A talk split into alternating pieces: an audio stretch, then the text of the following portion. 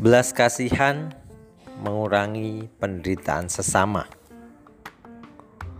Matius 15 ayat 32 sampai dengan yang ke-39. Selamat pagi, Teruna GPIB. Sepanjang pelayanan yang dilakukannya, Tuhan Yesus tidak hanya fokus pada kegiatan mengajar, tetapi benar-benar memberikan perhatian penuh pada setiap orang yang hadir. Ia dapat mengetahui kondisi mereka yang mulai mengalami kelelahan dan kelaparan karena kehabisan makanan.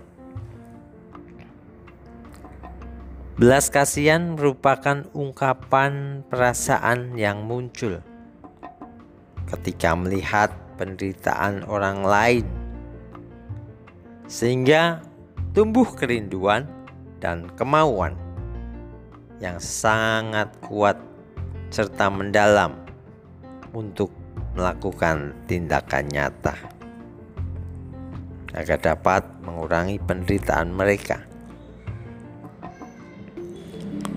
Sobat Teruna, setiap pribadi maupun keluarga mempunyai permasalahan masing-masing.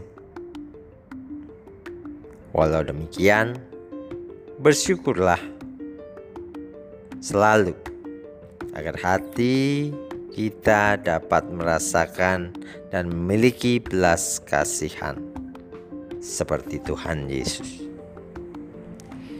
Ketika berada di tengah keluarga, kita dapat menolong orang tua dengan belajar sungguh-sungguh, membantu membersihkan rumah, dan mensyukuri setiap makanan minuman yang tersaji setiap harinya tanpa mengeluh ataupun bersungut-sungut. Saat ini masih banyak saudara kita yang terendam banjir.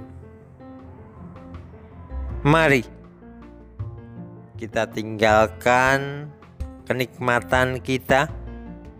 Kita turun dan membantu sesama sebagai wujud nyata iman dan pelayanan kita. Tuhan Yesus memberkati.